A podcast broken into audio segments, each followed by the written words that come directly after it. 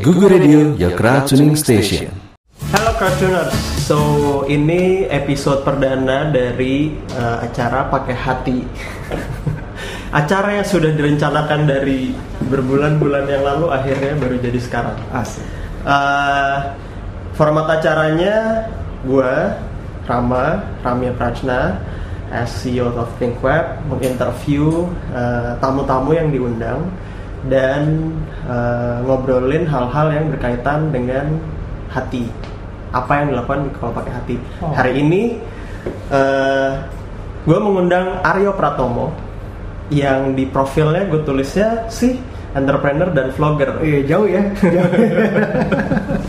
kayaknya jadi entrepreneur aja biasa kalau sekarang sih kayaknya udah banyak ke ini ya cuman kurang gitu ya kesorotnya Kurang, kurang. jadi mesti jadi Kurang. vlogger Susah sih kita uh, saingannya sama startup sekarang yang mainnya valuasi bukan profit. oke eh, ngobrol-ngobrol awal dulu Eh, Aryo mungkin bisa cerita sekarang ngapain aja dulu soalnya gue gue sama Aryo suka meet up di Freeletics apps Iya. Wait, aduh, bilang. Jadi kalau gue sih sekarang uh, masih rutin ke kantor gue yang di airport um, ag- sebagai agen perwakilan airline beberapa airline yang kita pegang. Uh, tapi alhamdulillah udah lebih hands off. Jadi cuman dua kali atau tiga kali ke kantor dalam seminggu. Sisanya gue juga bantu Rene di uh, Impact Factory, uh, which is a company yang lebih ke arah speaking engagement, bikin workshops ke corporates, um, being one of the coaches di situ. Jadi kalau itu setiap kali ada acara biasanya kita ngikut. Dan yang ketiga sering jadi penggiat, C, namanya penggiat media sosial atau call call atau youtuber. Nah, jadi um, gue dari dulu emang suka review gadget.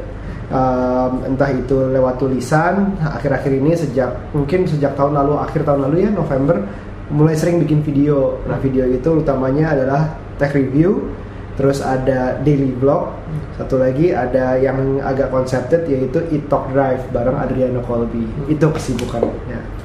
Eh, si vlog lo tuh juga dijadiin podcast juga ya Eh, enggak, awalnya memang gue mencoba podcast, Heeh. tapi em, untuk ngomongin sesuatu selama setengah jam, kalau Adri itu bisa satu jam ngomong. Panjang banget dan dia terus ke mana-mana. Dan pendengarnya jauh lebih banyak daripada gue. Gue pikir gue ngedengerin gue sendiri setengah jam aja bosen, tapi dia hebat bisa bikin orang lebih itu. Dan akhirnya kayaknya untuk create theater of mind orang lewat audio, gue nggak gitu jago gitu, eh, nggak nggak gain traction, engagementnya kurang. Ternyata gue coba video itu lebih kena, mungkin karena mungkin zaman sekarang lebih banyak yang lebih ke video lebih suka yang durasinya pendek kan gue rata-rata vlog itu 5 sampai 10 menit dan itu lebih banyak tractionnya uh, naiknya lebih cepat nyak message sampai lebih enak ya itu aja gitu gue kemarin terakhir dengerin vlog lo ya eh sorry podcastnya Adri yang bareng sama lo Ah ya interview. Nah, Ya, Adri, interview. ah, ah, Adri tuh um, ada yang seminggu sekali yang dia, ada yang kalau nggak salah dua minggu sekali apa sebulan sekali yang interview orang. Adri nama podcastnya Podcast awal minggu Awal minggu. Betul, minggu, oke. betul, betul. Eh, kalau di kalau di vlog lo tuh temanya bener-bener bebas ya Iya, jadi, jadi awalnya memang tech blog tech reviewer uh, dari tulisan terus ke video. gue tuh nulis tech itu sejak mungkin 2000 2000-an, 2000 awal, 2000, 2001 gitu. Terus aja nulisnya, blog gue isinya nothing but tech. Itu dari zamannya BlackBerry, terus sempat jualan, sempat upgrade dikit, uh, terus turunin gimana segala macam lah dengan BlackBerry, terus iPhone, jailbreak pun. Terus mulai uh, baru tahun lalu akhirnya gue lebih bu- terbuka tentang kehidupan pribadi, yaitu proses gue TTC istilahnya trying to conceive. Di saat itu I never share sebelum itu I never share anything personal. Um, baru di saat itu pertama kalinya share itu justru lebih hits daripada semua tulisan gue sebelumnya kalau ditotalin pun mungkin I don't know. Terus uh, itu kayaknya hits banget dan responnya positif ternyata banyak yang oh iya mas saya juga uh, ngerasain hal yang sama selama sekian tahun. Um, akhirnya saya ke dokter A, saya ke dokter B, akhirnya berhasil. Oh saya masih belum nih macam-macam kayak gitu-gitu. Dan ternyata oh ini banyak orang yang membutuhkan karena kayaknya uh, gue sebagai yang nggak banyak kayaknya cowok yang sharing justru kebanyakan adalah cewek yang share masalah ini karena dianggapnya um, cowok yang nggak bisa itu tuh gengsi gitu loh Hmm. jadi dia nggak share justru padahal masalah uh, kesulitan punya anak pada cowok laki-laki itu lebih susah disembuhkan daripada perempuan. Nah makanya gue encourage untuk share more. Satunya berikutnya lanjut juga ada dokter Ferdi Riva, dokter mata di itu juga share tentang masalah dia dan dia akhirnya berhasil dengan inseminasi yang anaknya Hmm. Lebih banyak yang share berdasarkan zaman tuh kayaknya um, punya anak itu nggak segampang dulu. Hmm. Nenek kita, nenek kakek kita punya anak 7, 8, 10. Sekarang tuh macam-macam faktornya. Uh, Global warming, terus misalnya kita um, makannya apa, um, in- perempuan lebih banyak kerja, macam-macam faktornya banyak macam-macam. Jadi gue share ternyata ada gunanya dan akhirnya gue terus share lebih ke arah kehamilannya gimana tuh prosesnya sampai lahirnya gimana. Nah itu banyak banget. Jadi ada ada yang ngikutin bagian teknologinya, ada yang ngikutin bagian Hmm. uh, kehidupan punya anaknya ini sebagai ayah baru lah gitu. Ya waktu itu gue ingat juga kita sempat sempat itu tuh di pet kali ya yang gue gue Mhm. share kayaknya uh, being honest as human being itu penting juga gitu kan kalau lagi di as a blogger Ah. perlu juga untuk munculin hal-hal yang memang sifatnya pribadi Mhm. untuk munculin bahwa ya emang tetap ngejalanin kayak biasa gitu kan kayak orang lainnya pada umumnya gitu Kalau gue pikir sih, um, honest ya tentunya bagus. Sekarang sekarang tuh zamannya memang maunya sih serba transparan, makanya sosial media tuh ada. Cuman uh, bukan berarti mengumbar segalanya juga Iya, sih. Memang iya, ada iya. ada pagernya. Uh, Dalam kasus gue, pagar gue adalah Nucha istri Iya. gue. Kalau dia nggak nyaman gue share tentang A, gue nggak akan share gitu, mis kayak gitu. Tapi juga sekarang bahayanya yang gue pikir sih. um, Emang ada zamannya orang yang share bagus-bagus semua, mereka sebutnya pencitraan Hmm. uh, plus minus lah plusnya dikiranya itu fake lah Um, yang yang bagus-bagus doang yang keluar Uh, eh sorry itu minusnya berarti ya orang anggapnya itu fake. Tapi kalau plusnya daripada sekarang zamannya yang jelek-jelek justru diumbarkan.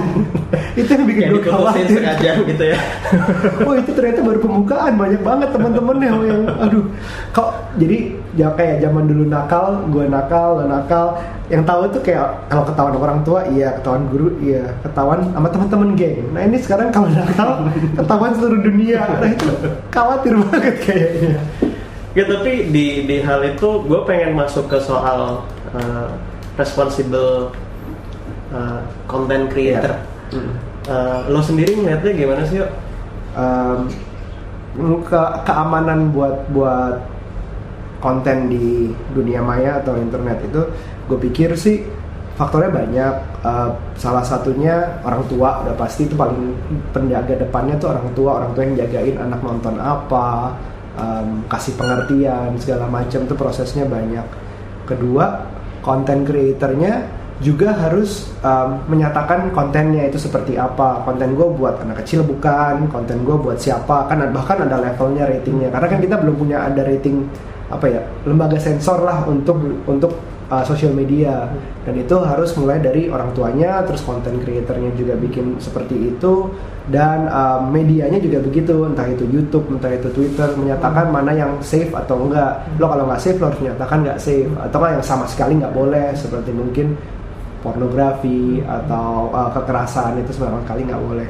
Tapi ada hal-hal yang uh, menyangkut juga freedom of speech. I respect that orang boleh ngomong apa pun pendapat dia mau itu jelek tentang orang pendapat jelek atau pendapat bagus asal mungkin nggak lebih ke arah niatnya untuk cyberbullying. Kalau mau bilang jeleknya orang Hmm, boleh dong. Hmm. tapi nggak kayak niat menjatuhkan Ya. gitu. Untuk kritik membangun itu nggak masalah sama sekali. Tentang gaya bahasanya dia kasar atau enggak mungkin orang beda-beda. Tapi at least menyatakan bahwa eh ini bukan untuk A ini untuk B aja. Lo sendiri di vlog lo sekarang udah begitu atau belum? Um, gue sih uh, so far nggak menyatakan uh, nggak ada foul language. Berusaha enggak kalau iya pun untuk kan vlog ada versi ada Ya. edit proses editingnya. Ya, ya. jadi kalau gue nggak sengaja ngomong sesuatu ya gue edit out. Terus um, gue juga berusaha kontennya yang memang berusaha mendidik sih. Jadi um, mulai dari beli A atau beli B tergantung budgetnya juga. Kayak gue cuma bilang jangan sampai gadget itu contoh ngutang gitu. Hmm. yang untuk ngutang nyicil sih menurut gue baik kan kayak rumah atau properti eh, atau tanah atau apa. Itu hal yang pengen gue sampaikan. Jadi gue kalau bisa setiap vlog itu ada message-nya dan kalau bisa message-nya baik. Bukan berarti ya mungkin ada sih orang yang bilang pencitraan tapi I rather do that rather than showing my kejelekan. Nggak soalnya kan juga eh, di saat kita menganjurkan atau kita pengen apa ya konten yang bagus jadi konten yang muncul tuh harus yang bagus gitu kan Iya. tapi ada beberapa creator kan yang bilang bahwa tapi itu bukan gaya gua gitu Iya, gua iya. eh, I mean kayak ada YouTube creator yang Ah. dia nge-rap dan semua bahasanya kasar gitu ya eh, dikasih tahu terus abis itu Defensif. berbalik defensif gitu kan Eh, gimana ya ngomong sama mereka? Karena menurut gue di satu sisi kita kan lagi di tahap mengencourage sebanyak banyaknya orang untuk berkreasi gitu. Ya Eh, di sisi lain kalau misalnya lagi asik-asiknya kreasi terus habis itu dihajar Iya, sama iya. jangan gini jangan Iya, gitu dan iya. segala macam itu pasti terus jadinya kok gitu sih? gitu. Um, jadi intinya sih sebenarnya dasarnya dia menyatakan kalau setiap ada yang foul language berarti dia tinggal bilang bahwa konten ini eksplisit. Hmm. Dasarnya itu Hmm. dulu. Kedua uh, kalau misalnya itu memang dia yang mau sampai kan itu pasti ada message di belakangnya harusnya. Hmm. Kayak um, entah itu YouTube lebih dari TV, Hmm. entah itu bahwa gue um, gue bisa dari nobody jadi somebody cuma Hmm. lewat YouTube yang gitu-gitu. Fine itu itu emang jalanan yang dia pilih. Cuman um, at least sih batasin aja penontonnya gitu. Hmm. Karena kan gue juga sempat khawatir begitu jalan di mall ada yang beli kaosnya logonya dia F pencitraan gitu. Hmm. Anak kecil yang pakai. Anak kecil gandeng adeknya lebih kecil lagi pakai baju itu. Mungkin mereka nggak ngerti persis artinya Ya. apa dan efeknya apa. Dan mungkin dia ke situ juga nggak tahu orang tuanya nggak tahu seperti Hmm. apa gitu-gitu. Jadi um, kalau misalnya contoh ada anak kecil yang datang ke meet and greet-nya ditolak gitu loh. Nah, kalau nggak salah Panji juga juga uh, bercanda beberapa ada yang bercandanya cukup dewasa dan dia sekarang nggak jualan tiket ke anak Yeah. di bawah 13 tahun. Yeah. Itu contoh responsible gitu. Yeah. Um, memang kita nggak sepenuhnya bisa ngontrol anak kecil pasti bisa aja ngelihat Yeah. ngelihat konten dewasa dengan cara colong-colongan sendiri. Tapi um, tapi kalau udah jelas dia datang ke meet and greet-nya, terus disapa, terus dirangkul, berarti kan dia mengiyakan Hmm. gitu. At least ya udahlah dibatasin pelan-pelan, batasin. Ada usahanya membatasi Hmm. itu penting. itu juga yang gue beberapa kali eh, jadi kemarin-kemarin gue sempat ngomong soal eh, internet bersih Hmm. Eh, karena kenapa gue bilang internet bersih inter- instead of internet sehat gitu Iya. karena menurut gue yang penting tuh bergaya hidup bersih dulu gitu dan sehat tuh adalah imbas dari lo bergaya hidup bersih Iya. gitu ya Oke. Eh, waktu itu yang gue juga sampaikan adalah being responsible eh, apa creator bahwa lo secara sadar tuh memang tidak berusaha menipu gitu. Oke. Jadi bahwa di dalam konten lo ada hal-hal kayak misalnya eh, karena kan di satu sisi kan lo pengen lo nggak kepengen uh, reveal semuanya gitu kan Iya. kayak misalnya di vlog lo pengen naruh sesuatu yang orang tuh akan nonton sampai habis dan nggak berhenti di tengah jalan karena kayak udah lihat daftar isi ah ini udah ini udah ini udah terus cabut Iya, gitu kan iya. pengennya nggak gitu tapi juga bukannya kita mau ngejebak gitu kan bukannya yang yang lo nggak lo dengan sengaja uh, tidak menyampaikan hal-hal yang akan drive orang untuk sesuatu yang nggak baik gitu jadi Iya, iya. Emang balik lagi ke niatnya sih lo mau mau jebak atau enggak gitu Iya, uh, beberapa mungkin niatnya bisa aja untuk ya banyak kan yang ngejar oh 100 ribu subscribers, uh, sejuta views, uh, 2 juta views tanpa mementingkan message-nya duluan gitu. Jadi sebenarnya message-nya apa? I don't care what the message is, yang penting gue pengen viral, gue pengen hits, mau itu apa, let's create drama, let's create yang kayaknya eh, khawatir gue adalah yang ngetren itu adalah yang yang yang apa adanya apa adanya tuh walaupun yang bagus yang jelek pokoknya apa adanya tuh yang yang ngetren tanpa pencitraan. Sebenarnya bukan berarti ngebatasin uh, yang bagus-bagus doang yang keluar karena gue cerita tentang ketidakmampuan gue punya anak dulu itu juga sesuatu kekurangan. Hmm. tapi asal ujungnya adalah untuk membawa positif ke orang gitu. I don't I don't mind sharing my my disadvantages my weakness kayak koma tutup Hmm. itu juga suatu Hmm. Hmm. kegagalan dalam hidup gue Yeah. tapi gue harus kasih tahu bahwa kegagalan tuh ada Yeah. message-nya buat orang nggak selalu bukan berarti em, yang bagus-bagus doang yang belajar juga nggak apa-apa asal tidak merusak sih tujuannya sih Nah, eh, di beberapa itu kan ada yang kayak gini deh, Edozel.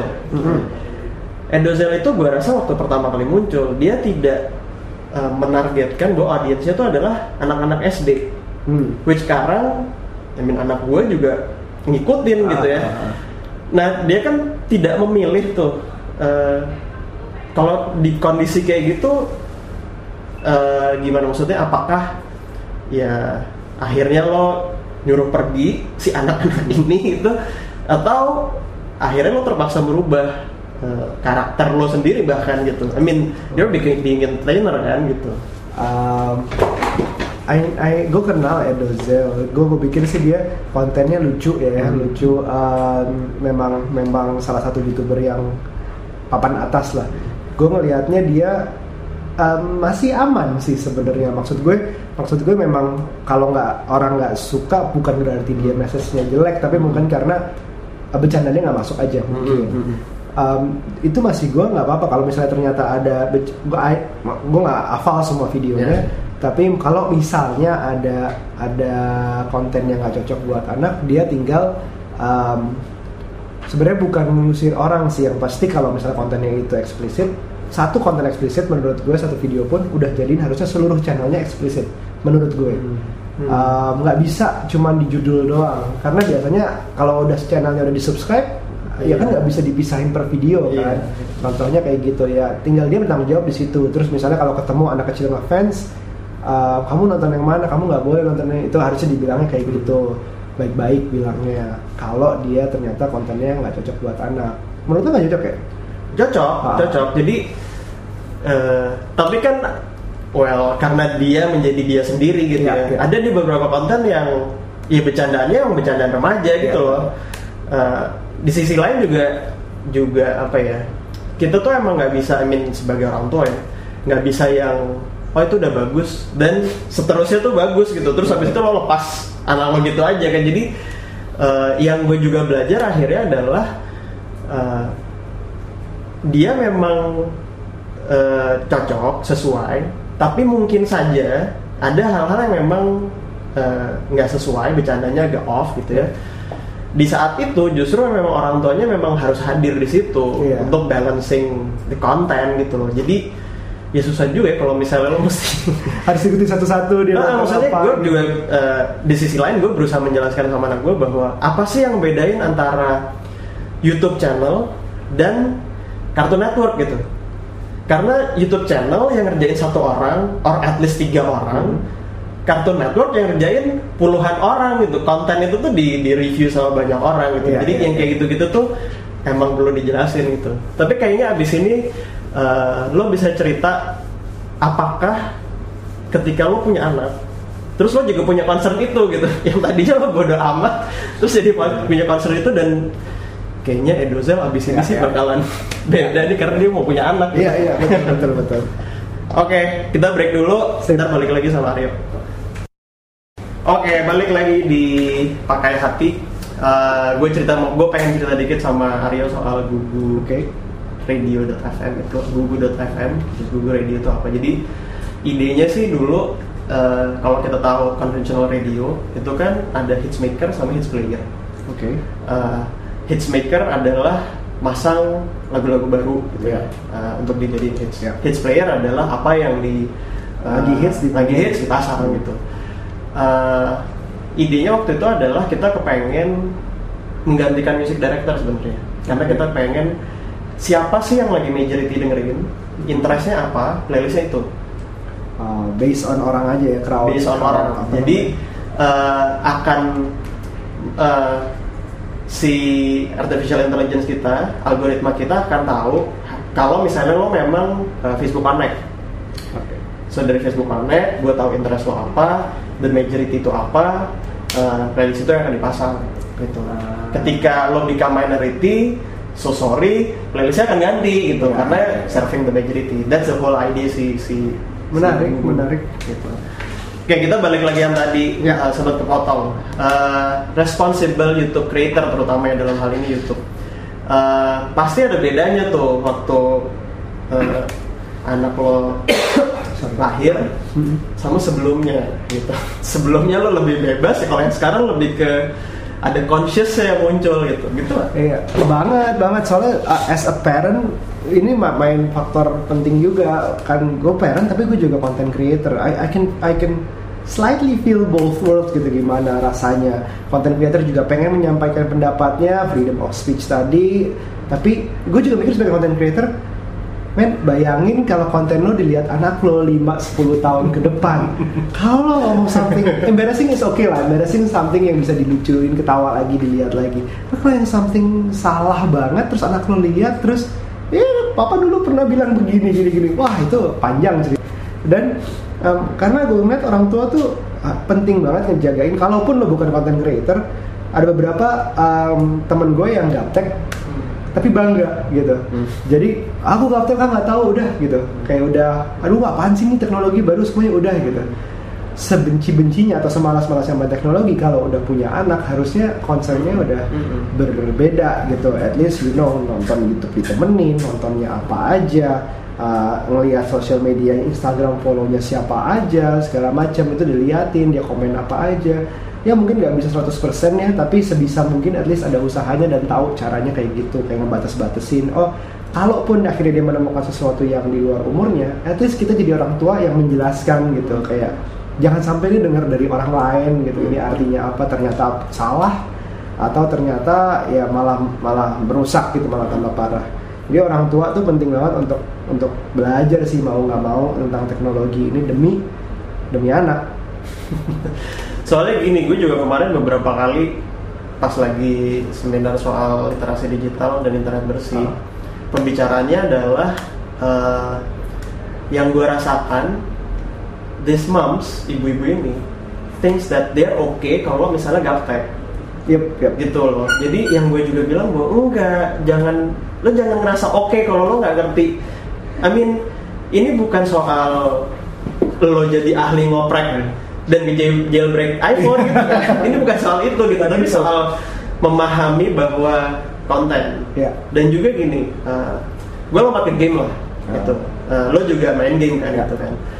Eh, game itu kan bukan berarti eh, setiap game mesti lo mainin untuk lo tahu isinya apa gitu kan. enggak enggak betul Artinya eh, orang tua dalam hal mungkin yang banyak agak agak ngejauhin ini urusan laki-laki bukan urusan perempuan Iya, itu adalah bisa. game dan gadget gitu ya.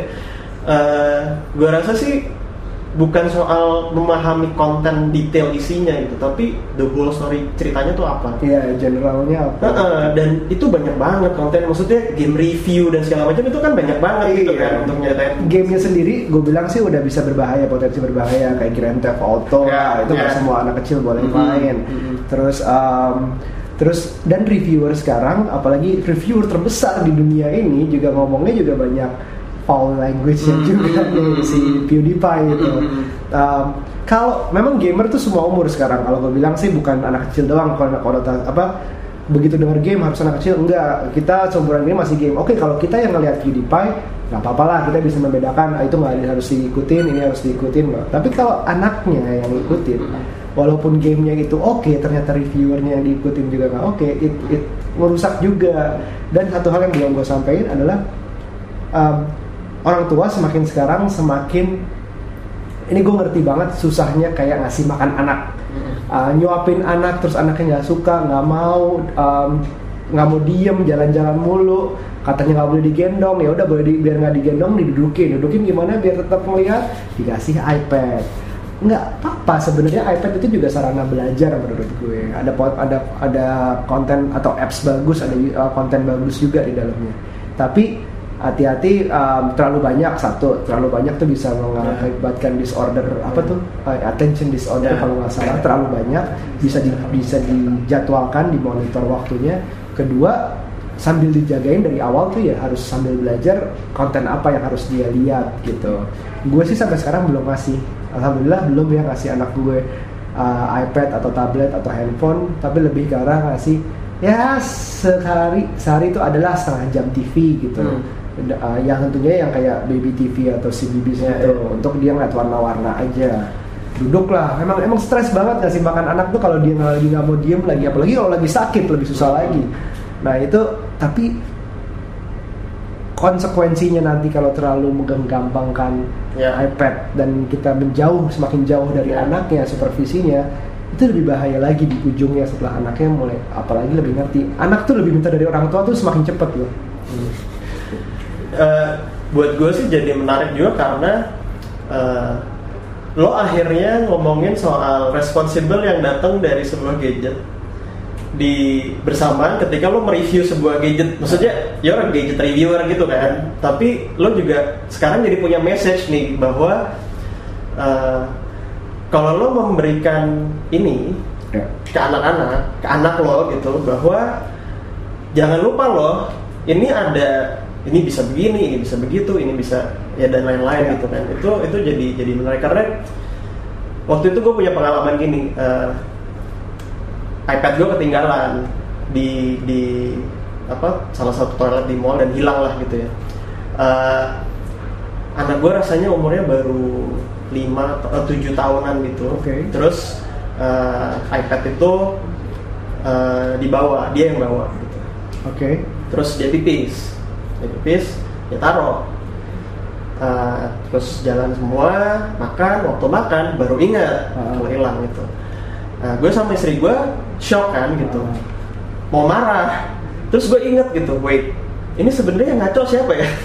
gue sebagai orang tua yang kasih iPad harga segitu ke anak umur 7 tahun Iya. atau dia sebagai anak 7 tahun yang segitu lalanya untuk barang mahal gitu. Terus kayak, tapi dia tahu gak sih kalau mahal dan itu dilema jadinya. dilema dan dan gue akhirnya yang gue akhirnya mikir bahwa yang kita sering lupa adalah responsibel yang datang dengan kepemilikan si si barang yang kita miliki gitu. Nah, itu yang yang yang kadang kita nggak nggak aware gitu loh. S- mungkin basicnya kan eh, ketika barangnya mahal lo jadi aware sama lo jadi ekstra hati-hati. Ya ya. Ketika itu udah lama beli aja atau itu nggak terlalu mahal terus lo jadi careless gitu Ya, kan. betul betul betul. Eh, tapi dari dari kalau sekarang berarti belum ada gadget-gadget yang ke anak ke anak belum sih. Gue juga berusaha sebagai reviewer gadget. Um, always try to be fair sih maksudnya setiap gadget pasti ada kekurangannya. Contoh uh, mahal itu jadi kekurangan. Atau enggak dia uh, cocok buat yang suka A-nya aja. Misalnya uh, sekarang handphone ada yang konsen ke virtual reality. Nah, dia cocok di situ. Atau enggak handphone konsen ke audio. Atau lagi konsen ke selfie foto kamera misalnya macam-macam itu ya udah cocok di situ. Tapi masalah ini kurangnya di sini. Seperti halnya um, gue juga akan bilangin sem- semua itu jadi ada kelebihan kekurangan juga. Gadget uh, uh, tadi gue bilang iPad bagus untuk belajar kadang-kadang anak bisa lebih interaktif mencet ini berubah warna lah atau ini jadi gitu. Iya bagus tapi um, negatifnya juga banyak. Konten A kon- konten itu juga nggak bisa selalu 100% positif sih. Bisa aja pasti ada kekurangannya. Itu ya emang emang gitu. Apa pun yang didapat yang seperti lo bilang tadi apa pun yang didapat susah itu akan lebih dihargai. Hmm. susah itu bisa mahal Ya, atau nggak ya. lo harus kayak lo lari kali maraton baru dapat medali itu Hmm. akan dihargai banget medalinya. Termasuk juga anak. Gue dapetin anak susah soalnya.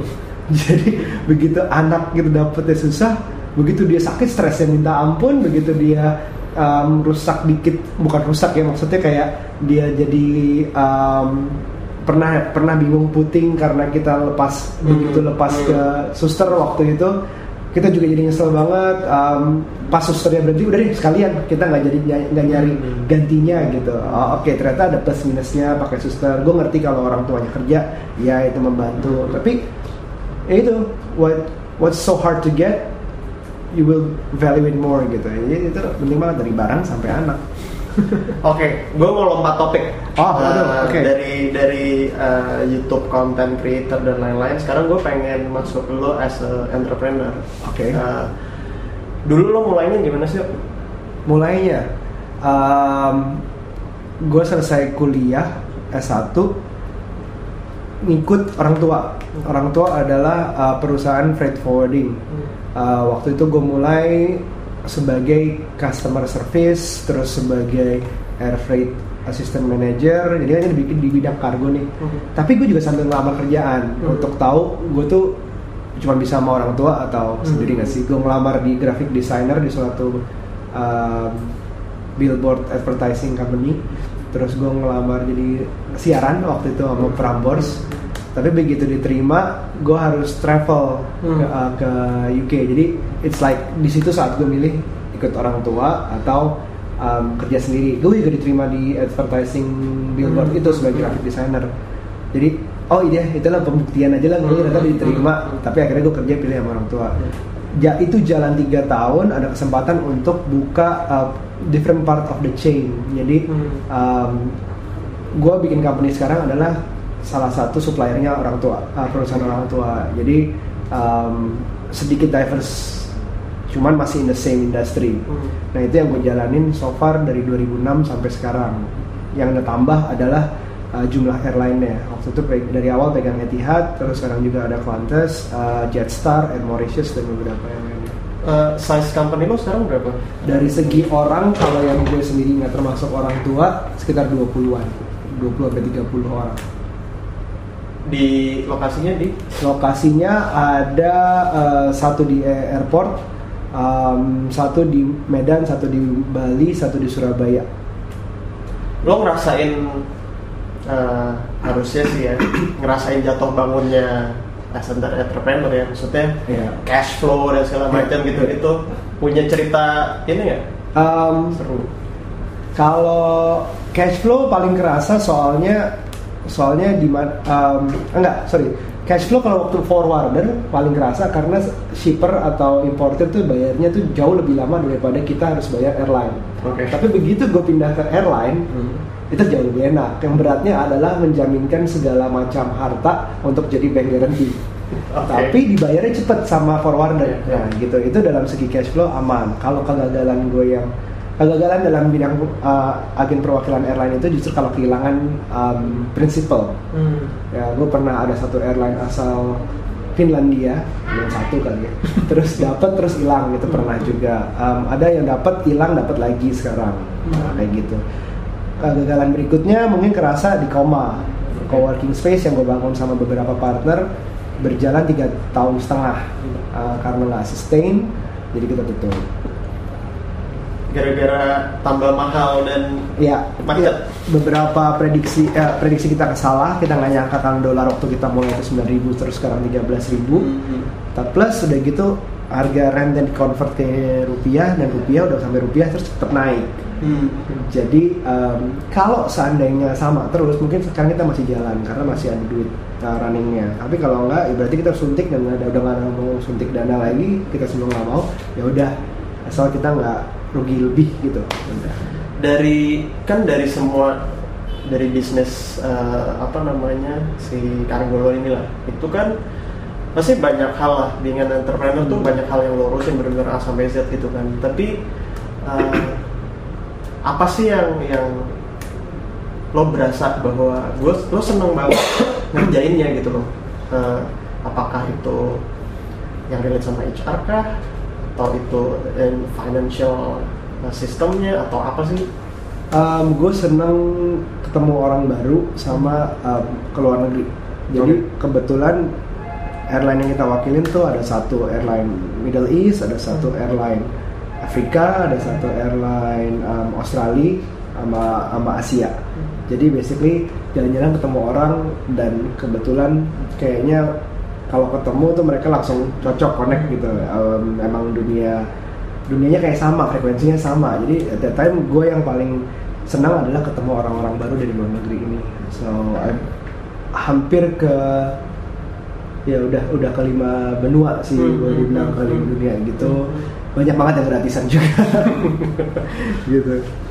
nah si kalau dari sisi sisi company yang lo jalanin Hmm. eh, gimana lo memanage si 20 orang ini? Eh, 20 orang di satu tempat yang sama atau bisa bisa bisa, bisa. soalnya yang di daerah itu cuman kayak um, ruko kecil banget. Um, isinya cuma satu dua orang. Hmm. kayak gitu udah cukup jalan. Karena kita bukan kita sales agent bukan bukan um, operasional ya. Kalau airline tuh mendarat di suatu negara dia ada ground handling agents ya. Kalau di Indonesia tuh ada cuma ada tiga apa empat di Jakarta yang udah harus punya gudang, punya facility alat-alat. Nah kita nggak perlu itu, kita cuma jualanin dan manage sistemnya. Oh, Jadi jago dagang sama um, customer servicing untuk uh, taruh space-nya di mana di mana ya gitu. Basically itu yang kita lakuin. Jadi size company gue suka kecil, jadi gue bisa kenal semuanya. Hmm. Dan um, sebenarnya semakin banyak kepala juga semakin Pusing. sih. Setiap orang punya drama soalnya dalam hidupnya. Dan kita kadang-kadang, wah ini gue nggak pernah ngalamin yang gini, tapi mungkin loh terjadi di kehidupan dia gitu. Jadi ya how do I manage is to get to know them personally sebisa mungkin karena bisa dihitung pakai jari sih. the toughest moment so far apa sih ya? lo ngejalanin si as an Ah. entrepreneur The toughest moment ya kalau harus tutup satu waktu itu si um, tutup koma uh, kehilangan airline principal kita harus terima. Um, dan nunggu decision setiap tender. Karena kan tujuannya kan um, cara dapetinnya kontrak uh, tender gitu. Hmm. kayak Etihad itu karena dia adalah internet apa national company perusahaan uh, negeri dalam apa perusahaan negeri government company yang dari Abu Dhabi eh, dari Abu Dhabi dari United Arab Emirates. Dia regulationnya adalah lo harus tender retender terus setiap tiga tahun. Jadi walaupun kita perform Oh, ada retender yang harus dilakuin gitu. Oke perform adalah su- plus suatu plus point tapi tetap aja ada faktor yang kita di luar kontrol. Dan itu if karena ini eksklusif if I fail I close down the company juga gitu. Berat itu. Gokil. itu berat juga. Oke eh, dari dari yang lo jadi berapa berapa lama jalan? 10 ya tahun ini 10 tahun. Ah. Yang sendiri ya yang nggak mau orang tua. Iya, iya. 10 tahun. Think up juga going to ten. Oh yang itu ten? Emang sama kita mulainya. Sama-sama nggak jual company ya? Apa? Sama-sama nggak dijual company-nya eh tapi soal itu lo mengalami fase di mana di tawar. dideketin Um, yang mau invest ada, tapi um, gue enggak sih karena partnership ini juga um, sama beberapa partner yang udah jalan solid terus dari previous parent company, Hmm. which is uh, perusahaan perusahaan orang tua gue sama partner-partner di beberapa negara lainnya, oh gitu. Jadi ki- kita nggak mungkin ada yang masuk lagi, oh oke gitu. soalnya memang kalau gue mengalami masa-masa bahwa eh, emang banyak yang datang karena saat itu tuh kayaknya memang Lagi booming ya. lagi booming lagi booming gini eh, naik industrinya terus yang besar-besar the giants ini kan Ah. prefer untuk untuk eh, apa ya daripada mulai dari nol mendingan capture yang udah Iya. jadi gitu ya Eh, tapi kalau yang gue lihat eh, karena gue tahu persis gimana ngebangun Ya. si culture dan segala macam jadi gue sangat memperhatikan itu dan nggak tahu ya gue di satu sisi mungkin gue bukan real business person mungkin sehingga yang gue lihat bukan cuma semata-mata bisnisnya tapi emang developing people culture dan segala macam saya ketika ada yang datang salah satu yang gue lihat tuh justru soal itu gitu. Ini bisa match nggak? Bisa bisa klop nggak? Klop nggak gitu? Padahal kan ya susah lah ya. Maksudnya kayak dua keluarga dijadiin satu nggak akan jadi satu anyway karena lo dari kecil juga beda-beda gitu kan. Ya, ya, ya, ya, ya. jadi emang emang ya itu sih yang waktu itu yang gue rasain. Dan sekarang sih gue berposisi bahwa uh, this industry need, need a balance gitu. So so far ThinkWeb uh, as a uh, in the local independent gue pengen menjalankan role itu untuk ngebalance the overall industrinya gitu loh Wow. jadi bukan gue menutup pintu dan menggaris bawah tapi Iya, iya. I'm still open tapi saat ini role-nya itu gitu. Oke. Oke, abis ini kita balik lagi, kita break dulu. Eh, gitu aja. Oke, balik lagi di pakai hati masih sama Aryo Pratomo. Kenapa sih Shegario tuh? Aduh, jangan deh, jangan deh. Belum ada yang tahu tuh, belum ada yang tahu. Ya, gue juga corny banget gitu. Ini ya zaman zamannya YM yang nama-namanya Ah, hampir, hampir, gitu. hampir, hampir. Untung, untung nggak se- sejelas itu. I'm cute apa segala macam tuh, untung nggak sejelas itu. Dan gue agak balik lagi kalau tadi kita udah ngomongin eh, apa namanya lo sebagai entrepreneur, gue balik lagi nih ke soal konten tapi nggak nggak ke sana. Uh, lo ngikutin channel-channel social media platform baru gak sih? Um, mungkin gue aktif sekarang YouTube ya sejak November kemarin as a as a creator. Um, baru mulai November kemarin. Terus I tried Stellar. Um, tapi kalau gue ngeliat ke tweet tuh paling gampang. Ada atasnya mungkin uh, post foto di Instagram ambil ngedit ngedit paling susah tuh mungkin editing di YouTube buat YouTube. hmm. tapi Stellar tuh ada di tengah-tengah. Jadi Hmm. gue mendingan uh, daripada setengah gue go with Oh, YouTube oke. atau yang itunya. Jadi nggak punya waktu untuk uh, bikin stellar jadi gue udah coba tapi gue nggak lanjut. Eh, gue juga coba Vine nggak segitu kreatifnya. Um, coba Periscope kena kasus. Ya gitu kan mungkin kalau um, perlu gue ada ceritanya itu uh, gue nonton konser Taylor Swift terus gue gue periscopein gue di band sama periscope sama Twitter. Ya ya udah deh. Ya salah salah salah. Gue salah gue akuin langsung dibuka lagi blokirnya. Jadi periscope kena kasus um, kalau gue salah Bigo juga bersama ya jadi nggak gue coba. Coba SoundCloud juga karena podcast waktu itu dan seperti gue cerita nggak itu tapi ya if there's a new thing gue coba sih pasti gitu. Snapchat? Snapchat coba um, tractionnya susah terus gue coba naik gue coba naik kayaknya gue nggak cocok nih Snapchat gue selalu lupa untuk untuk nge-Snapchat suatu momen tiba-tiba ada Instagram Stories Hmm. ya udah followers gue udah ada di Instagram ya udah itu aja sekalian gitu Dan- Tapi lo ngeliat Snapchat buat lo gimana? Eh, sesuatu yang menarik? Oh, Maksudnya? Snapchat tuh udah udah masuk itu ya, udah gede banget di luar tuh sampai katanya sempat ngalahin interaction Instagram bahkan. Hmm. Um, ada Snapchatter of the Year tuh kayak si siapa DJ Khalid gitu. Itu juga nggak nggak follow, gue nggak gue nggak nggak nggak tahu yang video 10 detik bagi gue terus hilang tuh kurang aja gitu. Ah, Mungkin gue nggak segitu milenialsnya, walaupun masih lahir di tahun milenial sih. Tapi ah, Lo dewasa kecepatan apa tua kecepatan ya? jebakan jebakan. Iya, tapi eh, Snapchat lo bisa ini nggak sih bisa bisa dapat menurut lo kenapa sih the, the millennials itu senang sama Snapchat karena gue gue punya punya view soal Iya. itu gitu. Tapi Ah. kalau dari lo gimana?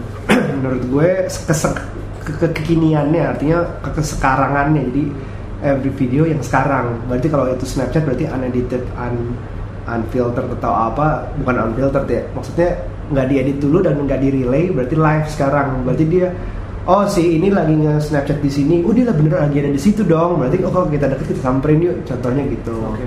Um, jadi ke saat ini aneh itu yang gue pikir sih bagi bagi milenials cocok. Kedua pendeknya. Hmm. pendeknya artinya um, cuma 10 detik kalau itu pun itu video akan gue tonton semua. Kalau misalnya itu gue ngefans banget sama dia. Hmm. Um, dan gue nggak pernah pakai Snapchat. Jarang banget pakai Snapchat untuk chatting sih. Kan memang Hmm. awalnya Snapchat itu sebenarnya dibikin untuk chat kan menurut gue ya. Hmm. awalnya dibikin untuk chat aja one on one. Tapi ternyata lebih tertarik untuk jadi suatu uh, platform untuk di follow orang gue belum begitu ngerti. Emang view lo apa? Jadi eh, yang gue lihat jadi gue ngobrol sama beberapa millennials lah. Hmm. Eh, eh, mereka masih kuliah sekarang dan yang gue tanyain adalah kenapa sih lo suka sama Snapchat gitu? Loh Eh, mereka bilang bahwa eh, kita tuh capek sama fabricated posting. Iya. Di mana mau posting mesti mikirin gue dapet likes berapa love berapa nanti komennya gimana. Sehingga ketika gue mau mau mau posting sesuatu gue mesti mau foto aja mesti atur atur mesti angle-nya bagus dan segala macam gitu. Mereka capek sama hal itu. Buat mereka Snapchat tuh eh, seru banget karena apa adanya. Toh 24 jam lagi hilang. Hmm. nggak ada yang kalau toh ada yang nyimpan gue tahu gitu jadi jadi mereka bilang gitu. Nah yang yang eh, apa yang gue gue lihat juga bahwa mereka ini karena begitu banyaknya informasi dan konten yang ada di sekarang buat mereka what matters is eh, kontekstual. Kalau tadi yang lo bilang adalah yang yang live now tuh apa gitu Iya. jadi subcontextual based buat mereka eh, kan- kalau di Snapchat itu bracketnya 24 jam. Iya. what matters is within 24 hour. Apa yang kejadian kemarin yang udah lewat apa yang kejadian besok ya tunggu besok gitu. Jadi yang sekarang. Eh, kontekstual. terus terus jadi kalau kalau misalnya gini eh, kita kita tuh masih ngebedain antara online dan offline. Kita masih sibuk sama yang lo kalau misalnya bareng sama kalau lagi sama teman-teman ya lo di situ gitu lo jangan sambil Ya, ya. chatting dan sambil online sambil ngecek pet dan segala macam nih. Ya terus sambil gue stories. tapi buat mereka karena mereka udah blend in di online dan offline what matters is Ah. adalah yang online eh, yang yang ada saat ini yang kontekstual mau online kayak mau offline kayak gitu so kalau misalnya di dalam ruangan ini ada lima orang ya. eh, plus ada lima orang yang lagi di lo plus lima orang yang lagi di path gue dan kita berlima belas kita bukan berlima Kita berarti ketuaan. Sebenarnya kita bukan millennials, kita Gen Y ya berarti ya. Jadi Eh, karena ya itu terlalu banyak konten dan informasi sehingga mereka harus uh, memilih bahwa mana yang yang sesuai. Jadi kayak Tuh, gua aja nggak bisa multitasking nih dengerin lo sambil uh, Instagram stories apa ya? jadi kayak gini loh kayak uh, menurut lo ngafalin nama menteri selain akan reshuffle akan terjadi reshuffle terus agak percuma kalau ngafalin ya tapi menghafal na- nama-nama menteri itu masih relevan nggak sih? Atau buat anak sekolah menghafal tuh masih le- relevan nggak? Gue dari dulu sih nggak nggak bukan nggak gue dari dulu udah nganggap nggak relevan. Dari dulu zaman gue sekolah juga udah nganggap um, kalau dia nggak ya orang akan diingat kalau dia satu muncul terus Mhm. entah itu negatif atau positif muncul terus dan kalau dia disebut terus otomatis akan ingat dengan sendirinya berarti kalau dia related artinya sama kita atau kebutuhan kita atau ketertarikan kita interest kita baru dia penting buat kita tapi kalau kita harus ngafalin semua buat Hmm. apa memang nggak relevan gitu. karena kalau yang ya dilihat sama yang the millennials ini yang gue lihat adalah kalau misalnya bisa di googling kenapa gue mesti ngafalin gitu. Dan lagi-lagi kan eh, buat gue yang penting adalah yang kontekstual yang saat Iya, iya, ini iya. gitu. Kalau yang kemarin-kemarin ya nanti gue googling aja gitu. History itu gue googling Iya, iya. bukan gue hafalin gitu loh. Nah berkaitan sama itu makanya ketika ngomongin responsible content gue sangat worried sama konten yang beredar sekarang karena konten yang beredar sekarang itu akan menjadi bahan di search nantinya lo kebayang sih kalau misalnya konten lo tuh udah belok Iya. orang lihat belok lagi orang lihat belok lagi dan akan makin jauh gitu dari yang dari yang yang sesuai Nah, terus caranya kita nggak tahu ya, gue jadi jadi berpikir caranya kita ngebatasin konten apa yang ada di sekarang ini, stories atau Snapchat. Jadi anak kita misalnya ngikutin siapa di stories atau Snapchat, kita kan itu kan pertama itu mobile. Kalau misalnya udah gede kan dia pegang sendiri, kita nggak tahu. Gitu, Yes. gitu. Kalau YouTube masih bisa dilihat history. Ya. Nah kalau yang kayak gitu gimana caranya ya? Nah, itu makanya kemampuan buat memilah dan memilih konten itu saat ini jauh lebih penting. Kayak dilihat siapa yang dia following, paling gitu iya, doang. iya. Heeh. Lo tadi udah sempat mention sebenarnya soal itu bahwa kemampuan si anak itu penting gitu. Hmm. Karena gini, eh, besar banget konten yang banyak banget konten yang ada, di mana lo nggak bisa ngebatasin Iya. gue kasih ilustrasi angle ilustrasi yang lainnya Eh, orang yang paling cepat menyebarkan hoax saat ini adalah generasi orang tua kita Iya betul. lewat. bukan salah mereka karena itu terjadi karena behavior karena kebiasaan Hmm. kebiasaannya terjadi karena saat mereka dulu mulai eh, berinteraksi dengan media itu tuh source of informationnya tuh sedikit Iya. dan itu filterized Iya. udah difilter gitu Nah, jumlah TV-nya sedikit eh, sebelumnya satu terus itu ada lima pokoknya sedikit lah jadi yang datang itu terfilter Kalau yang menyebarkan hoax itu paling banyak generasi orang tua kita, yang membuat hoax banyak kan generasi kita. Mm-mm. tapi kan ketika udah flat Iya. terus jadi semua sama gitu nah kalau buat gue jadinya yang penting adalah kemampuan kita untuk memilah dan memilih. Iya. di generasi kita masih ada harapan nih karena kita masih secara conscious eh, masih bisa di, di- dilatih lah diingetin bahwa lo kalau baca sesuatu Dua kali. ya terus lo cari sumber. ya emang lebih ribet tapi memang memang begitu gitu. Eh, tapi yang makin penting adalah di anak-anak. Karena mereka harus secara menurut gue mereka harus bisa secara mandiri. Anak lo nih nanti ya mereka harus secara mandiri untuk memilah bahwa yang baik yang Boleh atau enggak, gitu. Uh, belum lagi masalah kita ngomongin soal budaya. Uh, ciuman Hmm. di film Disney itu ada gitu di film princess dan segala macam itu udah mulai masuk gitu. Kan pertanyaannya jadi jadi sebenarnya kapan boleh tahu soal itu gitu kan? Nah harusnya itu bisa jadi obrolan gitu loh itu yang gue lihat hilang Iya budaya kalau kita budaya lebih serem lagi em, kita masih di budaya adalah nggak boleh seks sebelum menikah tapi justru karena itu kita nggak boleh mengajarkan seks be aman Mm-mm. nah karena Mm-mm. sama sekali lu nggak boleh seks sebelum menikah tuh nggak Mm-mm. boleh karena ya itu dilarang agama lah Mm-mm. cuman mau nggak mau yang nakal segitu banyaknya tapi nggak tahu kata temen gue bilang nih si Fajar kan dia uh, temen ambil psikolog juga data yang dia dapat adalah masih ada anak di bawah umur 52% tuh nggak tahu bahwa seks menyebabkan kehamilan. Nggak tahu. Kira seks itu enaknya doang atau apa gitu gue nggak tahu. Tapi dia nggak tahu kalau seks itu bisa hamil karena nggak ada pendidikan seks di bawah umur. Itu masalahnya. Nah itu. Budaya budaya seperti bilang. karena ketika lo bilang ketika lo menganggap bahwa itu adalah sesuatu yang tabu buat diomongin dan gak diomongin. Nggak diomongin bahkan di yang yang orang-orang bener pun bisa ngajarin ke yang bener itu nggak diomongin nggak mau karena tabu katanya gue jadi susah ya? Nah di sisi lain menurut gue sisi kebebasan Hmm. konten itu justru punya peluang di situ. Di mana ada sebagian masyarakat yang menganggap bahwa itu tabu tapi this alternative channel independent channel ini as YouTube atau apa pun itu itu tuh punya peluang gitu loh. Untuk ngomongin hal-hal seperti itu untuk ada Hmm. konten-konten kayak gitu. Yang sayangnya ya memang mau nggak mau bukan konten yang menarik ya. Maksudnya bukan bukan tontonan yang menyenangkan bukan. Maksudnya bukan hiburan gitu. Ya ya ya.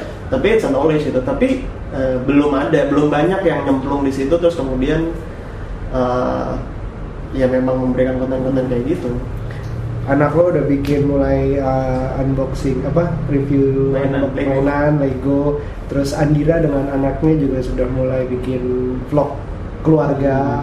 Anaknya juga suka unboxing juga uh, terus dia jalan-jalan tuh sama anaknya seperti apa. Mhm. Uh, gue sih berharap lebih banyak yang seperti itu. Mhm. kayak bahkan sekalian ya tujuan gue adalah nanti anak gue ikutan di YouTube gue bukan untuk Mhm. di- Mhm.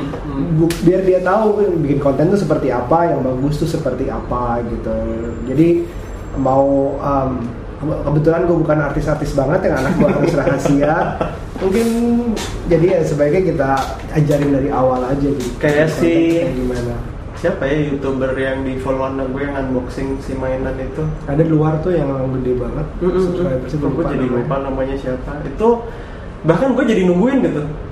Nungguin videonya dia. Dan Oh. dia punya beberapa channel kan. Dia ada yang khusus mainan dia ada yang dia jalan-jalan dia ada yang sekarang adiknya udah Ah, udah udah ini udah udah bikin juga channel sendiri gitu. anaknya Rene juga banyak follow yang penyanyi youtuber Hmm. penyanyi which is okay gue Hmm. pikir sih. Nyanyi nyanyi juga nyanyi aman cover songs gitu segala macam ya bagus emang emang emang sebenarnya kalau yang bagus sih bagus bisa lo sebenarnya ada balik ke platform lo tahu eh, musically tahu tahu musically lo ngeliat itu gimana? Gue baru tahu justru dari anaknya Rene ya. Yang yang bisa nyanyi segala macam and gue belum dive into it untuk bikin akun terus bener-bener coba pakai at least coba dulu.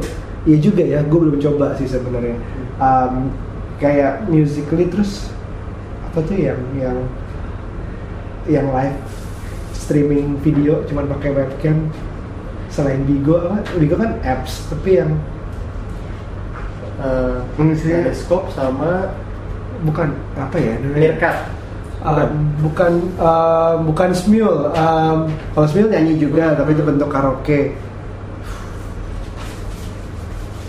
Oh, yang nyanyi-nyanyi itu. Ah, gue lupa nanti gue cari deh. Lupa gue pokoknya yang cewek-cewek ABG gitu juga nyanyi gitu. Enggak, gue surprise sama Musical.ly itu karena eh, kalau misalnya Snapchat itu teenagersnya kuliah dan SMA. Yes. Kalau yang ini tuh SD gitu. Kecil, ha. Gue yang kok bisa ya dan dan Eh, nah ini balik lagi ya, as a platform itu kan dub provider. smash kan sebenarnya kan Mm-mm.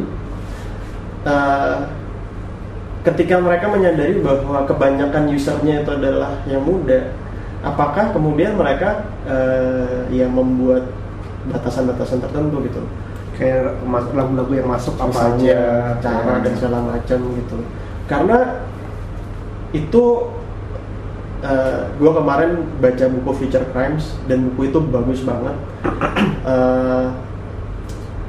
gue hampir insaf dari dunia digital karena baca buku itu. susah sih insaf total sih ya tapi itu menyadarkan bahwa uh, there's a responsibility bahkan ketika lo sebagai uh, platform developer lo tuh lo tuh responsibility terhadap data yang lo ambil Yes. uh, lo bikin ada live streaming tuh berarti ada kamera yang dibuka dan a possible orang masuk ke situ dan Yeah. itu jadi kontennya orang Yeah. dan hal-hal kayak gitu lah Uh, karena si si nah yang gue seneng banget Disney akhirnya ngeluarin apps Hmm. namanya Disney Mix sama kayak musically Uh, sama kayak lain bisa bisa gue bilang oh it's a chatting apps there's a game inside sticker inside everything gitu di dalam itu tapi untuk anak kecil semua I mean lo juga pasti kita juga pasti masih bisa consume Iya. dan suka sama Disney gitu. Iya. Sekarang kan all the uh, Star Wars juga bagian dari Disney kan. Akhirnya kita juga di situ. Jadi uh, akhirnya ada sebuah giant company yang sadar bahwa there's a sweet spot yang nggak tersentuh dan nggak boleh telat masuk ke situ gitu. Karena this is the future kan. Anak-anak ini kan the future. Jadi harus dipegang lewat apps. Menarik menarik. Dari dari situ gitu. Eh, walaupun belum sempurna banyak banyak bugnya masih bagi lah gitu ya. Tapi akhirnya terfasilitasi gitu. Sekarang itu eh, kemarin ngobrol sama beberapa teman eh, teman-teman dari cerdas digital eh, gue juga juga lagi terlibat di situ Eh, komunikasi di kelas itu pakai eh, ada yang pakai WhatsApp group ada yang pakai Line group Oke. dan lain-lain Eh, besar banget kemungkinan orang lain tuh masuk jadi ketika si anak mau nggak mau dia kalau kelas yang ngomongnya pakai line dia harus punya line dan akhirnya kan itu membuka pintu untuk dia ketemu sama banyak orang Iya. gitu Eh, nah sayangnya orang tua nggak nggak sadar bahwa ketika ngasih kunci itu membuka dia sama sesuatu Pandora's box. Heeh Hmm. dan itu anak tuh perlu dibekalin gitu loh. Eh, padahal yang dibekalin juga sama gitu sama maksudnya balik lagi kayak tadi. Karena digital terus jadi ah itu gaptek gue ngerti itu urusan anak gue anak gue lebih ngerti Iya, iya, gitu. iya. padahal menurut gue hal yang dilakukan sama gitu. Kalau lo eh, mau lo sudah berani eh, anak lo jalan sendiri keluar dari rumah lo kan pasti udah sadar bahwa resiko yang akan terjadi itu apa aja.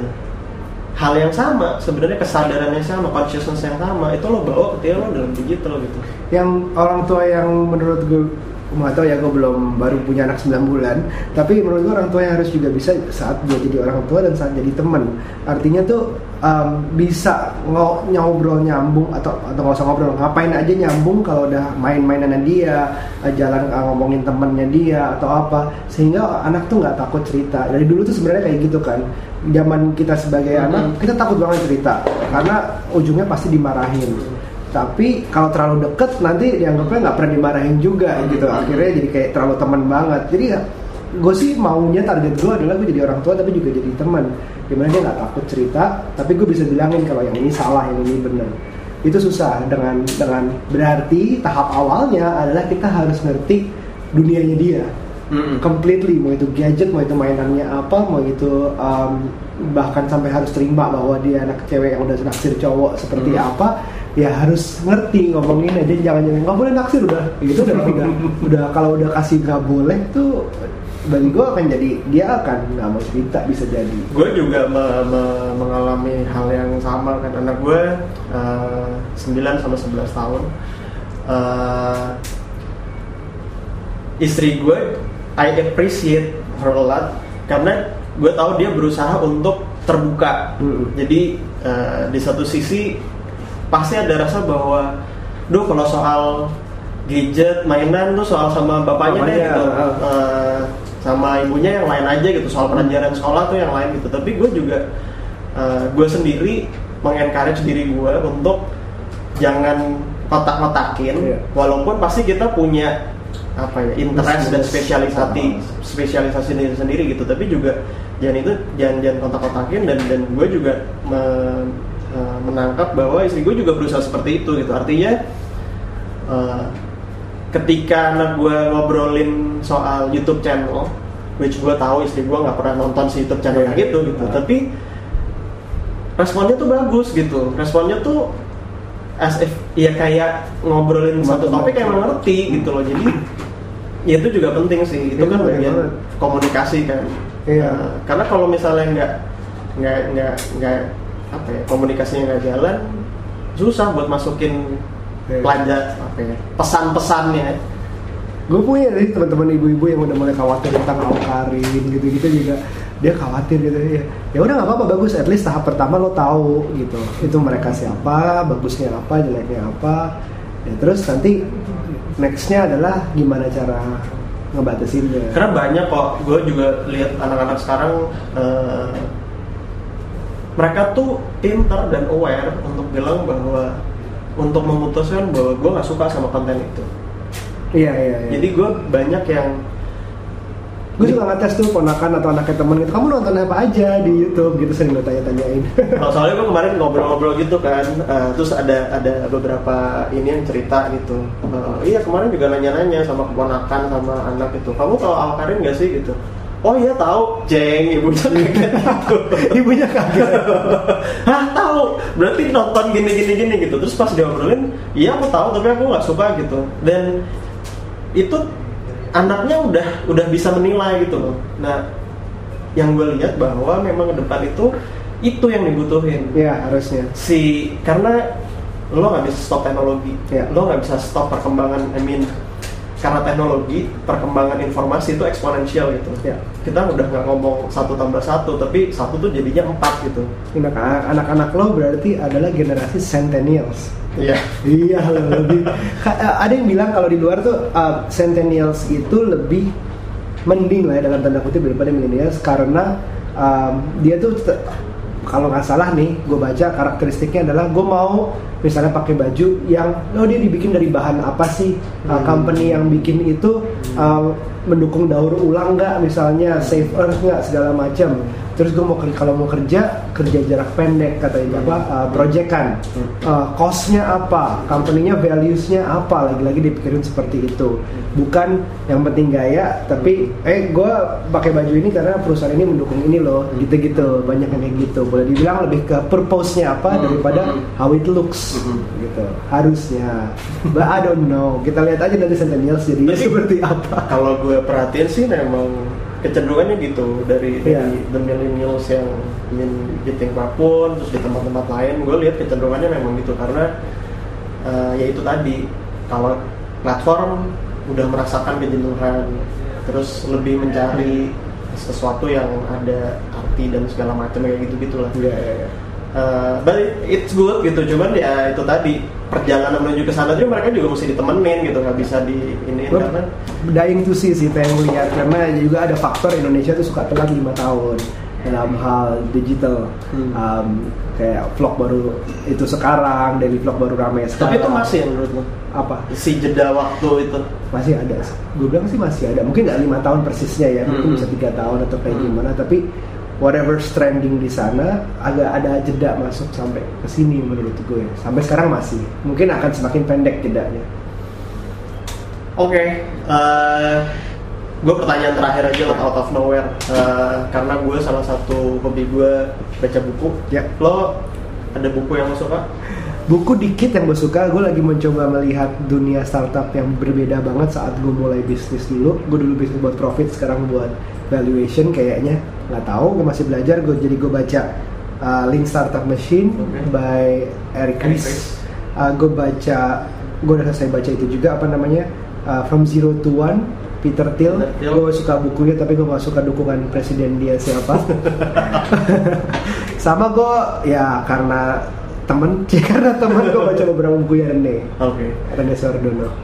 Kalau eh, lo ngasih buku nggak sih as a kado? As a kado uh, belum pernah. Lebih ke karena gue sendiri sebenarnya gue orangnya visual banget dari kecil belajar bahasa Inggris juga dari TV Um, terus suka no film suka banget game suka banget baca. Sayangnya mungkin orang tua gue uh, cuman sebelah yang suka baca.